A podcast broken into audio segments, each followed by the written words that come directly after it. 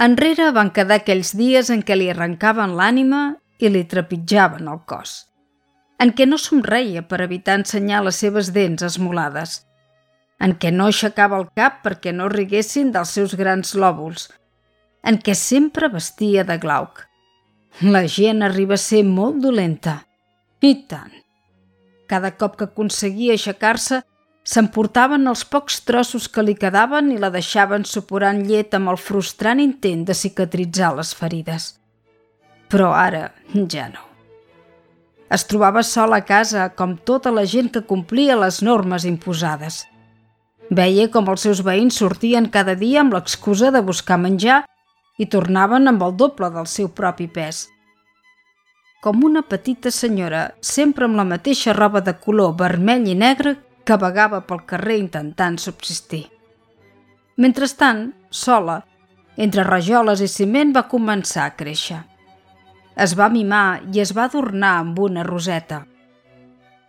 Es va començar a abraçar els dies més complicats i els que no ho eren tant. Arribada la primavera es va vestir de groc per exterioritzar la llum que començava a il·luminar el seu interior. Aquell dia va trobar la petita senyora a la seva façana, la va fer pujar i la va acollir.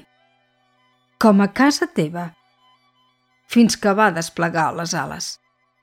Més tard, quan va començar la desescalada, una ànima peluda es va sentir atreta per ella.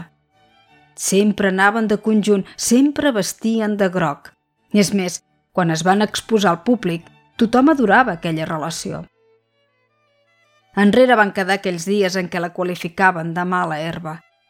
De dolenta, res. És clar que no. Ara s'aixeca ben esbelta entre la gent que surt al carrer. Ara s'interessen per ella. Ara la coneixen. Ara el glauc no sembla tan lleig, és la taca de color entre un mar de ciment. Ara li donen les gràcies amb la mirada.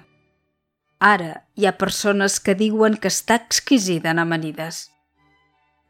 Estic plena de nutrients.